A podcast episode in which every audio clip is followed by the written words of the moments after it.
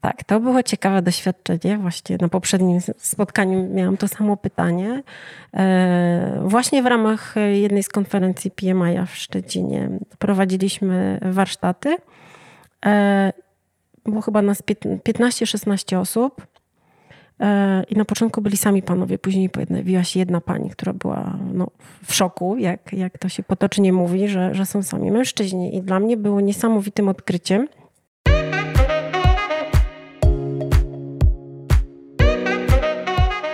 Dzień dobry, witam Was serdecznie w kolejnym podcaście Nowoczesny Lider. Dzisiaj moją, moim gościem jest Agnieszka. Cześć Agnieszko. Cześć Sebastian. I tradycyjnie jak każdy gość, to się mogę powiedzieć, powiedzieć kilka słów o sobie kilka słów o mnie. A jak dużo czasu? Najwyżej się wytnie. No dobrze, to e, pomińmy tą całą część, e, e, ile lat jestem w biznesie albo nie. No to ważne. To, no, dobrze, no to teraz jest taka tendencja, że się mówi 10 plus, okay. E, żeby nie mówić 18. E, tak, kilka słów o mnie. No, e, nazywam się Agnieszka Gasperini. Zajmuję się e, doradzaniem, szkoleniem, mentorowaniem, coachowaniem e, osób, które e, pracują w zespołach, głównie projektowych, ale nie tylko. Generalnie wywodzę się ze świata zarządzania projektami. Tak zaczynałam swoją karierę jako kierownik projektów w firmie Siemens, no właśnie 10 plus lat temu. A od, e, od, e, od wielu, wielu lat e, jestem po stronie konsultingu, prowadzę własny biznes.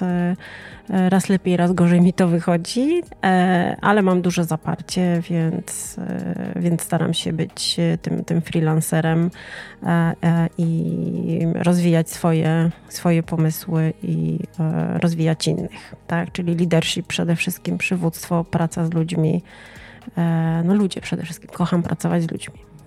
To potwierdzam, potwierdzam. Ja pamiętam, że myśmy mieli chyba pierwszy kontakt na taki prawdziwy biznesowy na konferencji CIO Netu. Nie wiem, czy pamiętasz jeszcze? Tak, pamiętam. Grudzień, kilka lat temu. Dokładnie. I tam tematem, pamiętam, że było to spotkanie w Cisco. Tematem przewodnim była wtedy praca w środowiskach różnokulturowych i rozproszonych. Tak, zgadza się. Mhm. Tak. Właśnie, powiedz mi, bo to też ciekawa część twojej historii, bo twoje nazwisko Gasperini jakby nawiązuje też do korzeni twoich, korzeni, do twojego pobytu, mieszkania we Włoszech. Miałaś też taki moment. Cały czas jeszcze pewnie podróżujesz, tak? Włochy, Polska, czy już jesteś na stałe, stałe w Polsce? E, na stałe jestem w Polsce, ale przez prawie 7 lat mieszkałam we Włoszech, a tak naprawdę ja to mówię, że tam była moja baza, tak? Tu dużo podróżowałam, jeździłam po świecie, pracowałam za granicą właśnie w zespołach międzynarodowych i wirtualnych. Aktualnie e, jestem e, z powrotem w Polsce i, i bardzo z tego się cieszę. Super, i powiedz mi trochę mówiąc do PMI jeszcze.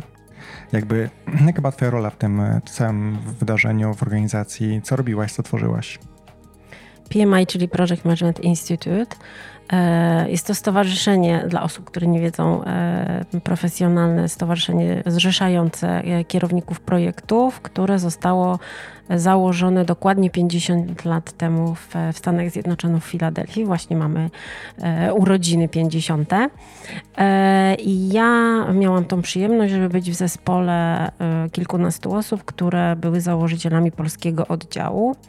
E, oddział Polski powstał w 2003 roku po prawie rocznej ciężkiej pracy w kuluarach e, naszej piętnastki, która przygotowywała całe procedury do, do stworzenia tego stowarzyszenia.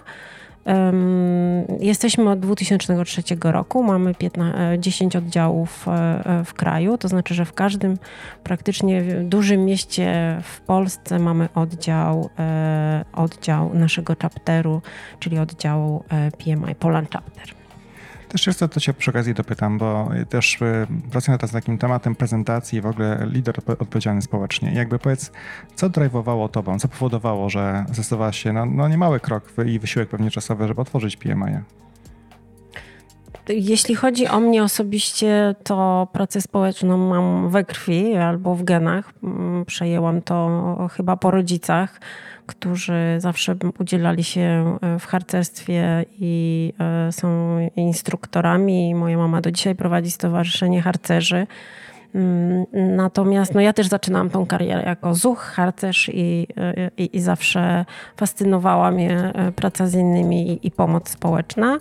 E, dobrze wspomniałeś o tym, że społeczna, bo, bo praca z PMI to też jest wolontariat. Często mam takie pytania w środowisku, ale, ale jak to tyle czasu pod, poświęcasz na, na pracę tak naprawdę za darmo? E, no tak, bardzo to lubię i, i, i w, w, tym czasie, kiedy tworzyliśmy oddział, czułam też taką potrzebę, żebyśmy zrobili coś, coś fajnego i, e, i powołali do życia e, takie stowarzyszenie w Polsce. E, nadal mnie to kręci, nadal jestem zaangażowana. Przeszłam różne ścieżki e, w, i, i różne role pełniłam w stowarzyszeniu. E, no i fajnie jest patrzeć, jak to się wszystko rozwija i jak dobrze wiesz, bo teraz zaczynamy też współpracę z Twoim projektem Mentoring Walk. No jest to fajne, bo daje to dużo satysfakcji i też możliwość pracy z innymi podobnymi inicjatywami. Też powiem Ci, że ja zawsze mówię każdemu, z kim pracuję. Teraz mam kolejny zespół w nowej firmie i jakby zawsze zachęcam bardzo mocno, żeby trochę doszkolić swoją wiedzę z zakresu zarządzania projektami, ponieważ jakby jest to wiedza wszechstronnie użyteczna i czy zarządzasz projektem informatycznym, finansowym, biznesowym czy budową domu, to prędzej, prędzej czy później te narzędzia, czy jakieś podejście projektowe zawsze się przydadzą. I w szczególności w takich, wiesz, projektach jak budowa domu, to szczerze zachęcam do zapoznania się dobrze z planowaniem. To prawda. E, w PMI nawet e, mamy taką, takie hasło, które mówi, że umiejętność zarządzania projektami to jest skills for life, tak? czyli, czyli no przydatne każdemu. E, nawiązując do tych społecznych projektów, właśnie w ramach PMI prowadzimy obozy letnie i zimowe dla dzieci z domu dziecka, gdzie pod hasłem Project Management Skills for Life uczymy ich podstaw zarządzania projektami, więc już taki pierwszoklasista może może Ci pomóc w przygotowaniu planu budowy domu. Super, powiedz, ile takiej edycji już zrobiliście dla, dla dzieciaków? Oj, teraz mnie zastrzeliłeś. No plus minus. Mm, jeśli dobrze pamiętam, pierwszy obóz y, wydarzył się w 2005 czy 2006 roku, więc to już jest grubo ponad 10 lat. E, pierwsze obozy y, prowadziliśmy w Gdańsku były tylko to letnie, y, letnie wydarzenia. Teraz prowadzimy dwa razy w roku. Od kilku lat inne miasta też przejęły tą inicjatywę, więc już i spokojnie ponad 25 edycji odbyło się takich, e, takich inicjatyw. To gratuluję. Teraz powiedz trochę tak więcej teraz o jeszcze tych Włoszech. Jak to się stało, że trafiłaś do Włoch? No historia jest długa. Mm, musiałabym chyba zacząć e, skąd tango i, i, i do, byśmy doszli tego, do Włoch. Tak, tak właśnie, bo, bo, właśnie, to może od tego rozpoczniemy, bo chciałem nawiązać później do tanga, ale jak wolisz Odwrotnie. dokładnie, to bardzo proszę. Dobrze, wtedy ta historia się może zepnie. Wiesz co, no, e, ja tańczę tango argentyńskie e, od 2006 roku.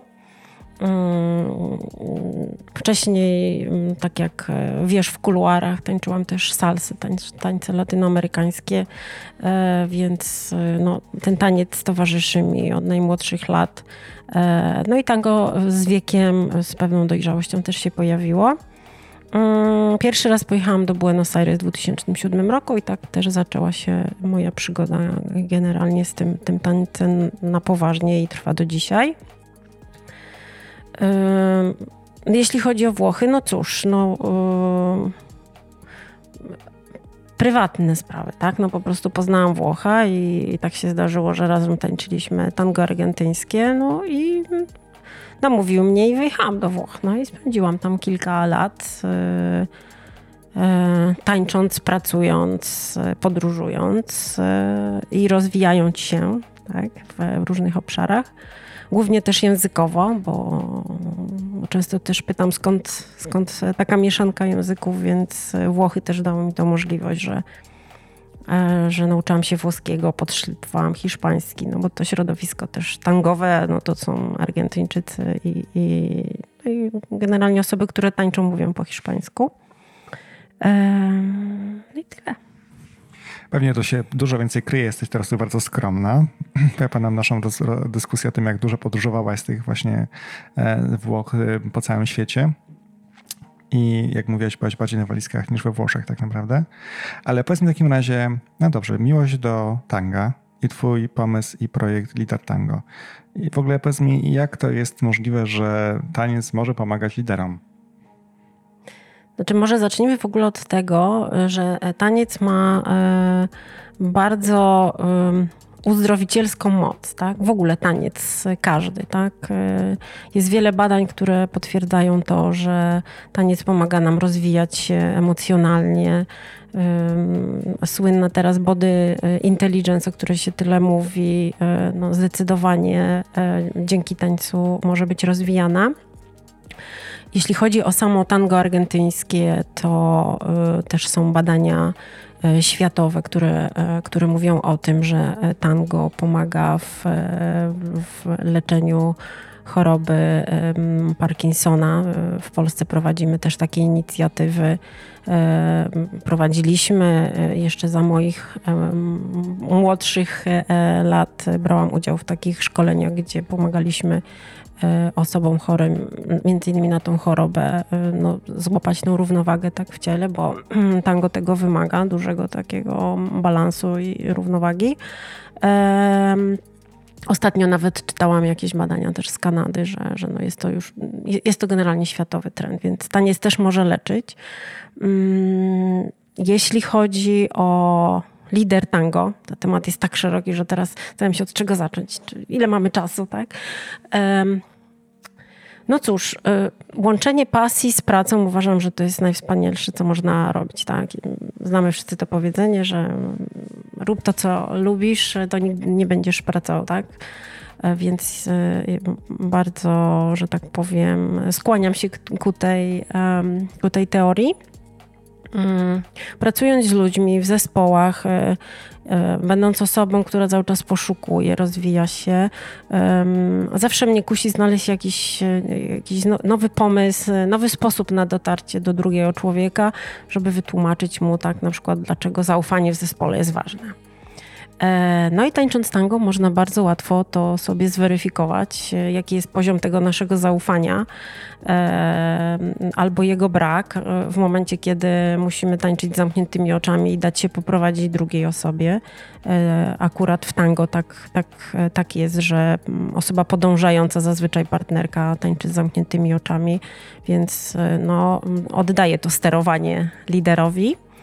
E, jeśli jesteśmy w stanie poczuć coś takiego w ciele i zrozumieć, jakie emocje się z tym wiążą, e, to można to przełożyć sobie też na taką pracę codzienną w biznesie. I to właśnie staram się robić na takich moich warsztatach, gdzie wplatam elementy tangowe, dokładnie mówiąc, różne ćwiczenia, techniki z, z tanga.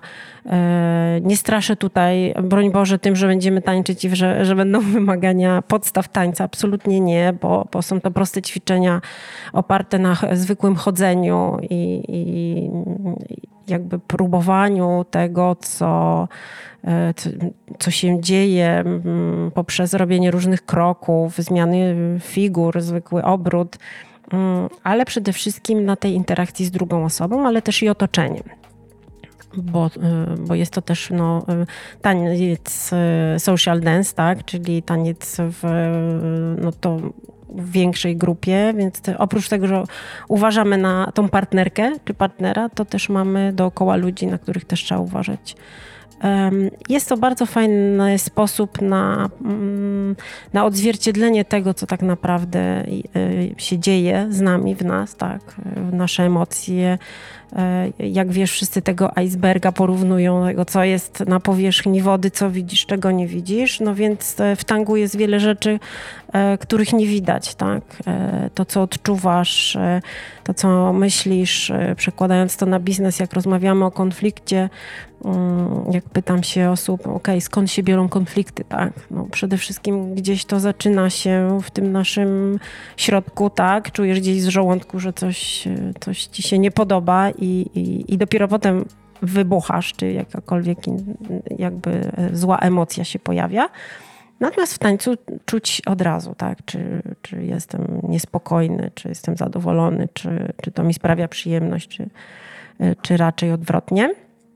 Mm, no i kilka innych takich e, ćwiczeń, które pokazują właśnie E, jak bardzo jesteśmy zwinni, jak szybko potrafimy reagować na zmianę muzyki, na to, że na parkiecie robi się ciasno, tak, że trzeba uważać, że ktoś jest z tyłu za nami i, i możemy wpaść na tą parę, czy jest ryzyko, że podepczemy kogoś z przodu, tak, czyli te nasze zwinność agility, jak, jak to słynnie w biznesie mówimy, e, jak mocno jesteśmy e, skłonni do tej zwinności. Zapraszam Cię do społeczności Nowoczesny Lider na Facebook lub LinkedIn. A zadać takie pytania, zdarzyły się takie momenty, kiedy miałeś warsztaty i przyszły na warsztaty lider tango same chłopaki?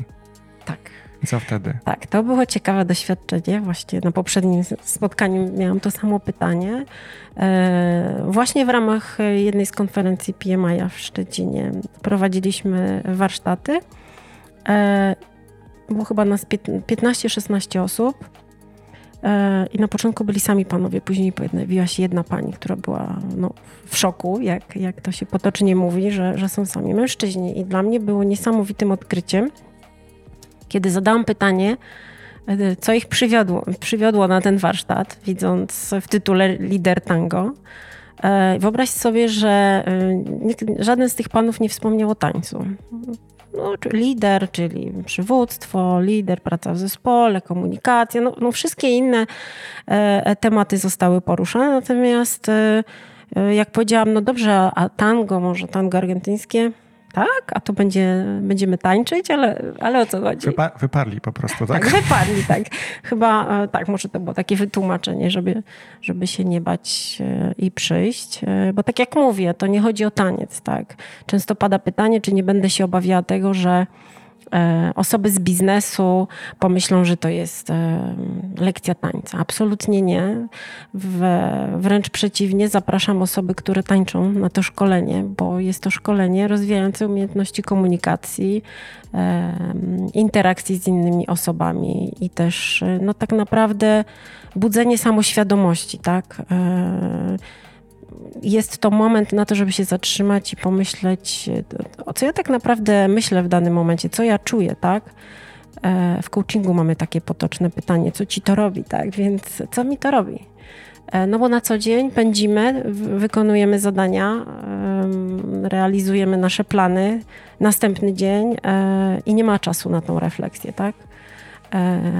A to jest takie miejsce, taki czas podczas tych warsztatów, żeby się zastanowić troszeczkę głębiej. Też pamiętam, że miałem taki podcast z Agnieszką Dydycz kiedyś. Nie wiem, czy kojarzysz Agnieszkę, ale ona też robi takie szkolenia dla kadry zarządzającej. I to jest właśnie taki moment, kiedy oni mają się tak trochę zastopować w tym pędzie i pomyśleć o sobie samych tak naprawdę. I ona mówi, że właśnie też często dostaje taką informację zwrotną od nich, że jest to pierwszy raz, kiedy oni tak o sobie pomyśleli o sobie. Pierwsza reakcja jest taka w ogóle o, co kaman, w ogóle mamy robotę do zrobienia, trzeba wyjść, trzeba robić swoje rzeczy, jest biznes, wiesz, czeka na, na mnie. Ale no jak później ten pierwszy takie emocje opadną, no to im mówią, że to są pierwszy raz, kiedy tak usiedli i pomyśleli o sobie od nie, nie wiadomo jak, jak, jak długiego czasu tak naprawdę. Czy u Ciebie jest podobnie? Tak, muszę Ci powiedzieć, że obserwuję różne reakcje na warsztacie. E, moja koleżanka e, Simona, która jest e, no, ponad 25 lat liderką, wykłada na uczelni, ma swoją firmę, jest taką bardzo energiczną, fajną kobietą, dobrym przywódcą. Ona na tych warsztatach w pewnym momencie usiadła, taka no, zasmucona no i zapytałam, co się stało, Simona, ale co się dzieje? Ona mówi, wiesz co, ja, ja właśnie teraz odkryłam, jak to fajnie podążać za kimś. Ja już nie chcę być liderem. Także to było też takie w ogóle e, taka inna reakcja w przeciwieństwie do, do, do tych, które zazwyczaj się obserwuje, tak? Bo E, w większości przypadków widzę osoby, które mają jakąś taką nieśmiałość tak? w, podjęciu, e, w podjęciu roli lidera i po tych warsztatach też mówią, no wydaje mi się, że ten mój portret e, kompetencji, które mam, tych mocnych stron, w czym jestem dobry, jest dosyć bogaty i mógłbym spróbować tak, w tej roli lidera. Mógłbym zrobić coś, coś nowego, coś innego. Ale czasami pojawiają się też odwrotne reakcje e, to jest ciekawe, bo to też mocno, mocno wspiera jakby i mm, też ułatwia mi w pracy E, kiedy przygotowuję zespoły do pracy w, w zespołach agile'owych, tak, zwinnych, tak, kiedy my mówimy samoorganizujące się zespoły, zmiana roli. Dzisiaj jesteś liderem, jutro jesteś członkiem zespołu i dla niektórych osób jest to dosyć trudne e, do wyobrażenia sobie, że zwłaszcza jeśli wcześniej mieli jeszcze rolę menedżera i nagle e, on nie będzie menedżerem, on będzie w zespole agile'owym i niekoniecznie to jest lider, tylko członek zespołu, no niektórym osobom przychodzi to z dużym trudem. Więc e, tego typu reakcje i tego typu odkrycia e, osób, które mówią, a fajnie, spróbuję, spróbuję czegoś innego. Dlaczego ja zawsze mam mm, myśleć i martwić się o innych, a dzisiaj to sobie posiedzę, niech ktoś inny troszeczkę mną tutaj pokieruje.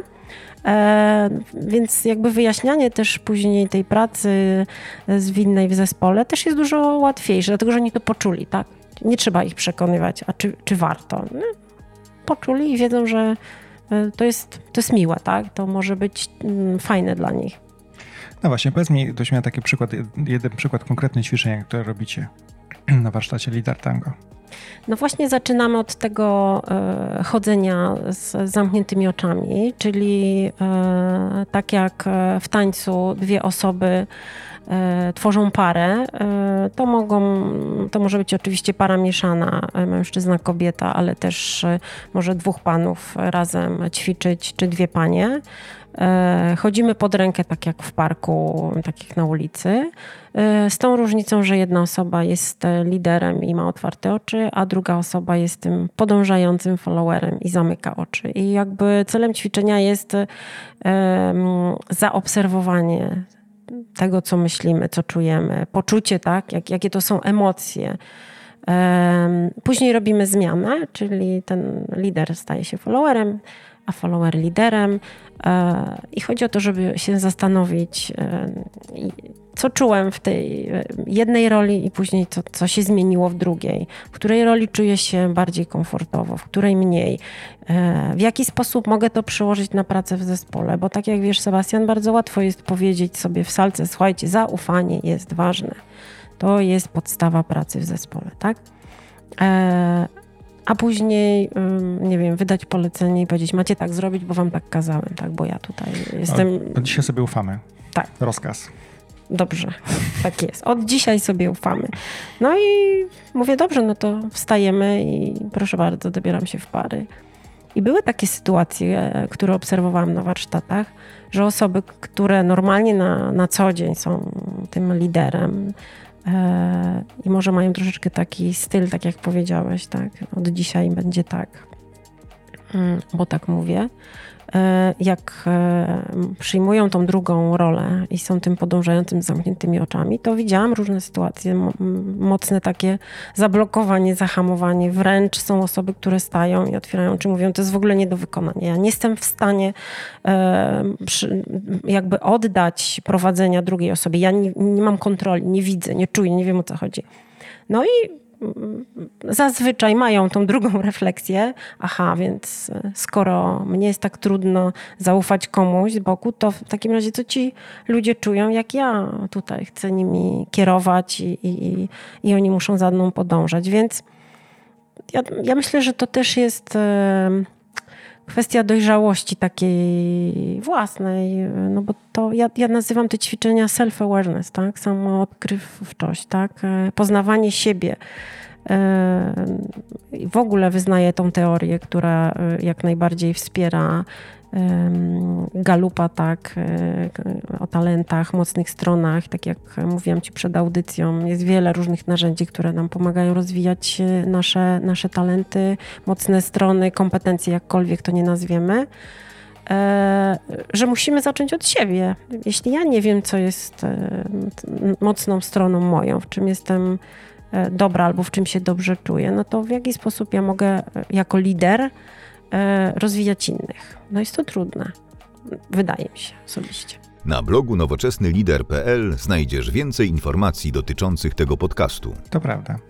E, poza tym, tak jak mówiliśmy wcześniej, tych narzędzi teraz na rynku różnych, które mm, budują samoświadomość liderów jest multum i dobrze by to pewnie było jakoś ugrupować. Mam nadzieję, że nam się uda usiąść i o nich opowiedzieć, bo powiem Ci szczerze, że ja już sam się kubię, co jest do czego tak naprawdę.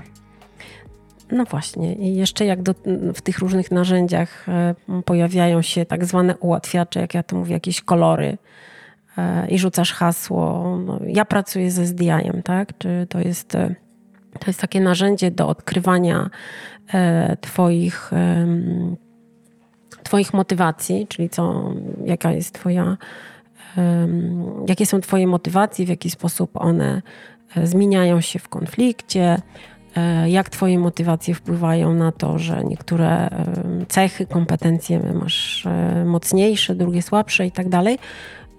I jak opowiadam o tym narzędziu, mówię, no wiecie, to jest oparte o kolory niebieski, czerwony, zielony, i wtedy słyszę zazwyczaj, no to ja jestem żółty. I ja mówię, ale żółtego nie ma w SDI-u, żółty jest w Insightie. I wtedy zaczyna się dyskusja, tak? I rzeczywiście jest wiele tych narzędzi, które robią bardzo podobne rzeczy, ale nie to samo. Tak, tak jak SDI dotyczy motywacji, insight e, bardziej kompetencji e, i, wiele, wiele, wiele innych. Więc myślę, że warto czasami się zastanowić, czego ja naprawdę oczekuję i, które, i w jaki sposób zmierzyć, tak, którym narzędziem sprawdzić o te, o te kompetencje, które mi chodzi. Ja natomiast e, uwielbiam łączyć to wszystko, zresztą nie ukrywam, że to też jest e, e, uwzględnione w mojej książce. Ups. Nie, no możemy jak najbardziej sobie podlinkować i nawet jeśli masz ochotę, aby zrobić jakiś krótki konkurs dla naszych słuchaczy, to możemy później podlinkować, jakie są zasady konkursu. Dobrze, konkurs wymyślimy. Jak najbardziej to może być na przykład jakaś bardzo pragmatyczna rzecz. Teraz dzieje się we wrześniu tyle różnych wydarzeń, że może jak ktoś coś zrobi dobrego, to jakby dodatkowo jeszcze z tego, że zrobi dobre rzeczy, to jest dostanie książkę na przykład. Książki jeszcze nie ma, pisze się. Właśnie no zrobiłam Agnieszko. ups, dlatego że jak wychodziłam do ciebie na spotkanie, to powiedziałam koleżance, żebym tylko nie wspomniała na razie o książce, bo jeszcze się pisze. I ona mówi, koniecznie musi ci się wymknąć, bo teraz wszyscy będą pilnować, kiedy się wydrukuje. Znaczy ja zakładam, że wiesz, publikujemy ten podcast dość szybko, więc jakby masz parę godzin. Tak szybko nie będzie, ale, ale motywacja wzrasta. A powiedz mi, książka będzie o czym? Leader Tango Strengths for Life. Okej, okay, fajnie. Plus będą jakieś ciekawe historie związane też z tango i z lider przywództwem, czy? Tak, tak. Będą historie, będą niespodzianki, mam nadzieję zaskakujące. To może jakąś jedną chociaż zdrać nam teraz, jak już powiedzieć o książce, to powiedz już jedną rzecz. No, no mogę powiedzieć jedną taką rzecz, że y, y, w książce pojawią się historie y, stricte ze świata tangowego, nie moje, Natomiast e, takim gościem specjalnym w mojej książce jest Elina Roldan, która e, jest e, no, mm, światowej sławy nauczycielką tango argentyńskiego, ponad 30-letni staż i bardzo znana osobistość w świecie tangowym. Więc jej historie na pewno są bardzo ciekawe, mega ciekawe i zainteresują wszystkie osoby, które będą chciały się o nich dowiedzieć.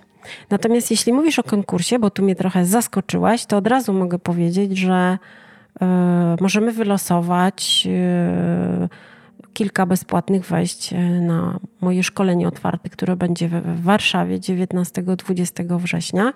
Dwudniowe, właśnie lider tango z podstaw jakby mm, tego programu. No i bardzo fajny pomysł, dokładnie. Jeszcze no książki nie ma, ale jakby już wystąpienie jest.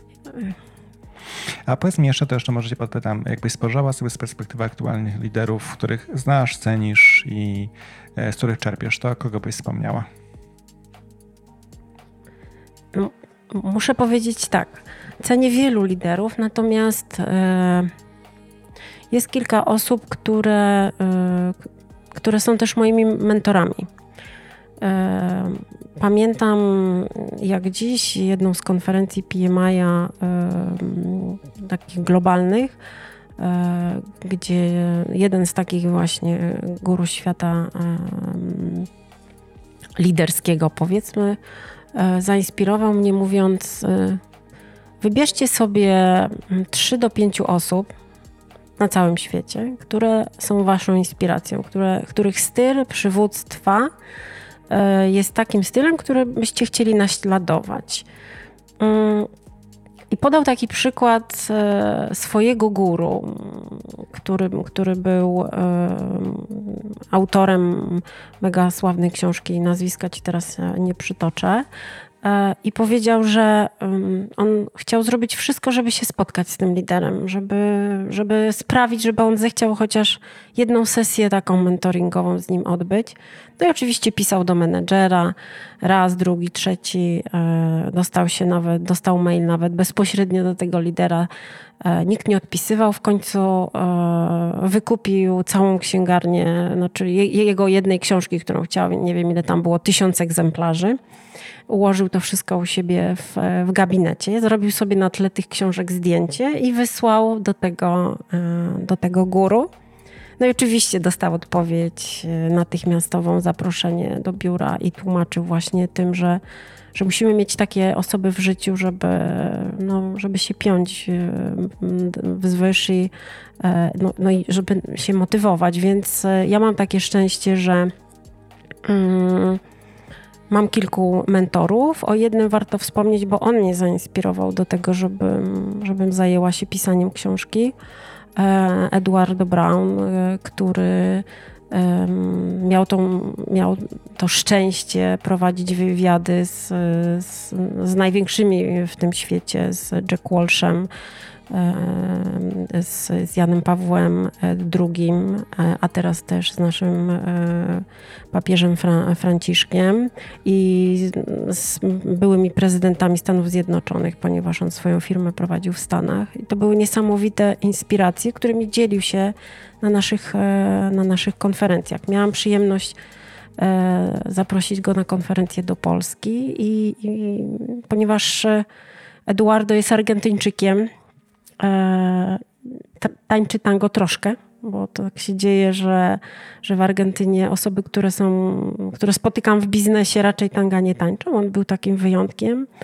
E, I on powiedział, że lider tango, że to świetny pomysł i że w ogóle, żebym ja nie czekała, aż ja z, napiszę książkę, żeby robić warsztaty, że ja powinnam zacząć od pokazywania tego, tej koncepcji. E, on powiedział mi jedną rzecz. Wydaje swoją pierwszą książkę. 20 lat zbierałem materiały, jeździł po całym świecie, prowadził e, prezentacje, e, wywiady, e, opowiadał o swoich doświadczeniach z tymi liderami. I po 20 latach wreszcie pojawiła się jego książka pod tytułem People First. No i wziąłem sobie tak do serca ten jego komentarz. Pomyślałam sobie, no dobrze, no to zrobię dwa, trzy warsztaty i później usiądę i rachu ciachu książka się napisze. Będzie szybciej, a już miałam swoją pierwszą koncepcję. No i muszę ci przyznać, że wcale nie jest łatwiej, jest dużo trudniej, dlatego że każdy warsztat mimo że program jest ten sam, daje e, zupełnie inne efekty. Wychodzę z taką bazą wiedzy, od, od ludzi i, i, z taką e, ilością informacji zwrotnej, że e, w głowie mi się przewraca. Mam drugą koncepcję książki, teraz aktualnie jest piąta, ale po dzisiejszym podcaście, jak już mam deadline następny, to myślę, że się skupię na tej ostatniej wersji i, i wezmę się do pracy ostro. Wiesz co, jeszcze pomyślałem sobie, że jeszcze jedno pytanie, jeśli pozwolisz, zadam związane z. To będzie pierwszym takim moim mm, testem króliczkiem, tutaj, króliczkiem doświadczalnym, dokładnie. Jakby e, pomyślałem sobie, zadam też pytanie, pytanie liderom, którym, e, czy gościom, którzy mnie odwiedzają, jakby o największym takiej wpadce zawodowej. I nie mówię teraz, musi być to wpadka, że porażka, disaster, coś się totalnie, ale na przykład, było bardzo, wyszło bardzo śmiesznie albo było, bo jakby każdy patrzy na te liderów, mówią, Boże, ci ludzie się w ogóle przecież nie mylą. Wiesz, to jest takie, często jest taka percepcja, że człowiek jest nieomylny, tylko jest w tym miejscu, gdzie jest. Natomiast jakby doskonale wiemy, każdy lider, który jest gdzie jest, popełnił pewnie jest milion błędów, tylko na szczęście nauczył się pewnie na nich czegoś ciekawego. A jaki był taki twój jakby przykład życiowy, który byś mogła się przytoczyć, który może czegoś innego, e, innych też czegoś nauczyć? Masz takie coś na podorędziu? Um, bardzo trudne pytanie. Wiesz co, ja myślę z takich rzeczy, co, które okazały się śmieszne, ale też pokazały mi, Pokazały mi, że lider e, nie musi być taki perfekcyjny, że nie wszystko zawsze musi wyjść super. E, I tutaj ta, ta wpadka to bym powiedziała, że raczej wydarzyła się na scenie e, podczas konferencji, gdzie na sali było no, grubo ponad 400 osób. Ja wtedy opowiadałam o tych kompetencjach przywódczych w oparciu o Galupa i, i mówiłam między innymi o profesjonalizmie, o przygotowaniu się do wyjścia na scenę.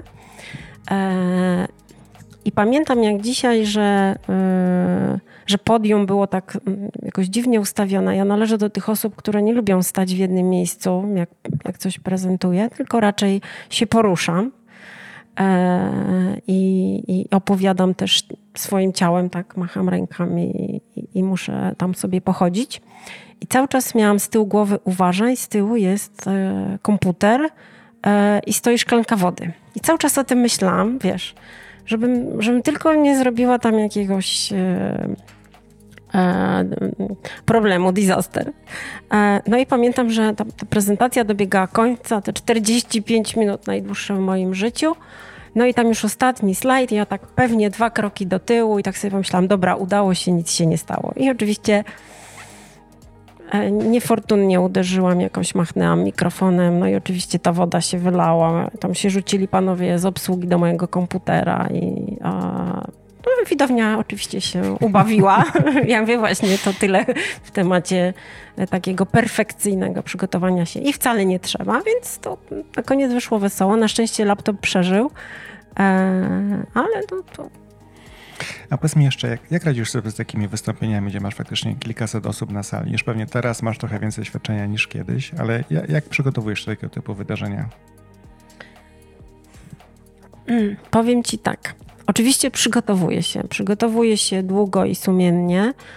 E, I, I, ćwiczę sobie oczywiście moje prezentacje, ale ja jestem mm, bardzo spontaniczną osobą. I tak jak e, ja się śmieję, że jestem spójna tutaj z tangiem argentyńskim, ponieważ tango e, tańczy, jest to taniec improwizowany. Wychodzisz na parkiet i po prostu tańczysz, improwizujesz. I Oczywiście jak wchodzę na scenę, to zżera mnie trema mega. To jest to, to za każdym razem tak samo albo bardziej. Jak masz większą świadomość jeszcze, kto jest na sali i podobno to dobrze, to, to z jednej strony jest to, y, że tak powiem, no, dodatkowo stresujące, ale też pocieszające. E, więc, e, więc powtarzam sobie, że e, jak czegoś zapomnę albo coś pójdzie nie, nie tak, to, to, to mogę sobie pozwolić na tą lekką improwizację i, i, i jakby no, dojechać do końca. Tak? No i zazwyczaj to się udaje. Ja też jestem taka dosyć uważna, staram się słuchać publiczności. Bardzo też, e, bardzo dużo pracuję też nad tym, żeby zrozumieć e, no, każdego człowieka i tą naszą indywidualność i no, nawet nie, te, nie tylko te aspekty psychologiczne, ale tak jak wspominałeś, pracuję w międzynarodowym zespole, więc te różnice kulturowe są duże i, i, i odczytywanie z sali też e, tego flow, który jest, tak? Czy, czy, czy, sala, czy sala jeszcze za mną podąża, czy już wszyscy usnęli? E, więc staram się też reagować e, dosyć spontanicznie. Czasami e, po prostu rzucę pytanie i, i, i mam też taką pomoc z sali, tak? Bo no to też zależy jeszcze gdzie zadasz pytanie, no ale mm, powiedzmy w większości przypadków zawsze ktoś chętny się znajdzie, żeby na nie odpowiedzieć. Mm, najgorsze jest pierwsze, myślę, 5 minut.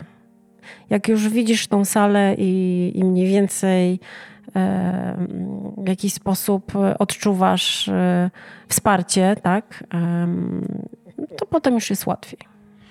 Wiesz też jest, widziałem taki nowy, to nie, że startup już, czy możesz, wiesz, bardziej jest produk produkcyjny, ale firma zrobiła oprogramowanie, które sczytuje e, przez kamery publiczność i to może działać tam do tysiąca osób nawet, bo tam nie masz kamer, jak masz szybkie komputery i one oceniają ci, dają ci wynik jako mówcy, ile osób masz zaangażowanych na sali w danym momencie. Co mi się wydaje dla mówców, to będzie szok i zawał. Ale w trakcie prezentacji trakcie od razu? Żywo, no. Nie, no to to nie, to zawał. Jakby on szczytuje proste rzeczy, to nie jest chyba skomplikowany algorytm, tylko jakby patrzy na oczy, wiesz, no jakby no, ma tam coś zawsze no. w sobie. Myśmy to testowali, co prawda w pięć osób siedzieliśmy, jesteśmy przed wiesz, tą kamerą i robiliśmy miny smutny, znudzony albo zaangażowany. To, to, tak nam się przynajmniej wydawało, że wyglądamy, jak jesteśmy zaangażowani.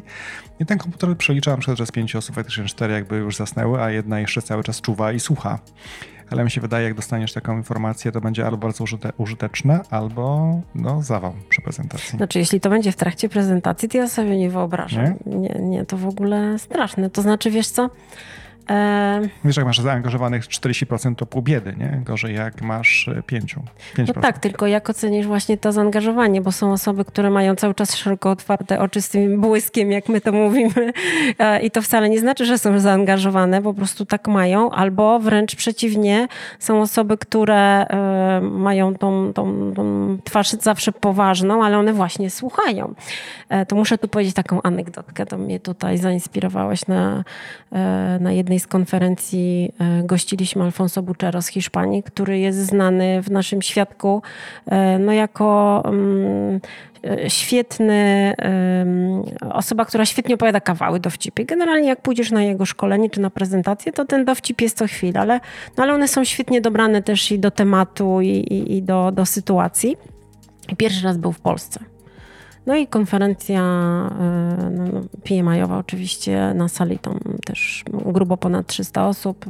Alfonso powiedział jeden dowcip, tam mm, lekko się mm, publiczność uśmiechnęła, potem drugi, trzeci, kilka osób się zaśmiało i on po prostu po tej swojej prezentacji przyszedł do mnie przerażony. Mówi, Aga, im się chyba nic nie podoba, oni w ogóle, w ogóle moje kawały do nich nie trafiają. E, ja mówię, nie martw się, mówię Alfonso, bo do mnie podchodziły osoby i mówiły, że nie no super, w ogóle świetne, a jakie dowcipy. Tylko mówię, wiesz, no my nie jesteśmy tacy wylewni w emocjach na zewnątrz, my to nie Hiszpania. E, także to, to co mówisz, no to ja zastanawiam się, w jaki sposób to będzie mierzone, ta aplikacja. Nie wiem, patrzę tylko na to jakby ciekawy w ogóle koncept i w ogóle, że takie algorytmy są, istnieją, wiesz, są używane, ok. E, jakby powód biznesowy, dlaczego one powstają, ta aplikacja, to było da, dać ludziom informację o tym, czy ten, wiesz, temat dociera do nich i czy ich angażuje. I to może nawet nie było czy na zewnętrzne, czy wewnętrzne wydarzenie, już nie pamiętam. Wiesz, jakby no, używać może gdziekolwiek tak naprawdę, nie? Gdzie możesz czytać sobie salę kamerami. No to sobie wyobrażam teraz taką sytuację, że opowiadam o czymś, i nagle wyświetla się wynik, że w ogóle nikogo nie interesuje, to co zrobisz? Zmieniasz temat totalnie? No Pytasz no właśnie, się, o czym chcą rozmawiać? No właśnie jestem ciekaw jakby, bo jeżeli by to było takie, wiesz, informacja o tym, że e, no poza tym to mi się wydaje, że sporo osób by przestałoby występować, prawda? No, myślę, że zdecydowanie. Bo jakby jeszcze dzisiaj masz taką, masz kontekst tej sceny, jeszcze stoisz przed, y, w kierunku, jak masz światło na siebie, no to nic nie widzisz de facto, prawda? Tak. Udajesz, że rozglądasz się po sali, ale jesteś totalnie oślepiona. Już miała informację, czy miałem, czy faktycznie, ale to może być i do, dla społeczności, może będzie mniej wystąpień, będą lepsze, nie wiadomo. No wiesz, no tak jak mamy e, e, grupy Toastmaster czy TEDa, no to, to może być przydatne, tak sobie myślę. Od razu masz ten feedback i, i jakby potrzeb, potrzebujesz e, no, potrzebujesz tego mieć natychmiast, tak, żeby w danej minucie coś zmienić, bo, bo, bo tak na przykład na, na Toastmaster tak jest. E, ale no nie wyobrażam sobie na takim, wiesz, evencie, że masz tam określoną liczbę osób, wydarzenie, nie KPI. daj Boże, płatne. KPI. to będzie trudne. To ja, to ja, nie wiem, to nie na moje nerwy chyba. To prawda. Że taką jeszcze anegdotkę końcową. E, każdy pewnie serial Przyjaciele. Mój ulubiony. Tak, i tam był, wiesz, jak oni kręcili te odcinki, no to zawsze jak to było slapstickowe, zapraszali w publiczność żywą, która reagowała tak. jakby na to, co się działo. No i pewna, że był odcinek, którym e, działo się to, co, to, co zwykle na scenie, czyli były dobre gagi, no, wiesz, dobre komentarze, dobre teksty, a publiczność była totalnie smutna, nie reagowała w ogóle. Okazało się później, bo w końcu się wytrzymał, zadał, zadał pytanie, co oni złego robią, bo jakby już stają, wiesz, jakby wyżyny możliwości i tam nie ma zero uśmiechu. Okazało się, 80% publiczności byli to pracownicy fabryki, którzy jakby zostawali tam przywiezieni po pracy na, wiesz, na potrzeby takiego właśnie, które właśnie tą fabrykę właśnie zamknięto. Więc jakby też masz sytuację, w której nieprzewidywalny, zupełnie losowy przypadek dla nich powoduje, że cały ten dzień kręcenia było totalnie dla, też dla, tej, dla aktorów bardzo trudny, prawda? Bo nie było zero reakcji ze strony publiczności. Dobrze, Agnieszko, to słuchaj, to czekamy w takim razie od Ciebie na informacje jakby o tym, jak można e, zapisać się na Twoje wystąpienie w Warszawie. Dobrze. Ja Ci bardzo dziękuję za spotkanie i za uczestnictwo i podlinkujemy oczywiście informacje o Twoim projekcie e, Lider Tango. Tak, lidertango.com. Dokładnie. Także na, jak na blogu informacje będą i przekierujemy oczywiście do, e, te informacje do, do Ciebie. Super, bardzo dziękuję za zaproszenie. Dziękuję Agnieszko za przybycie. Kolejny odcinek podcastu Nowoczesny Lider już w następną niedzielę o godzinie 17.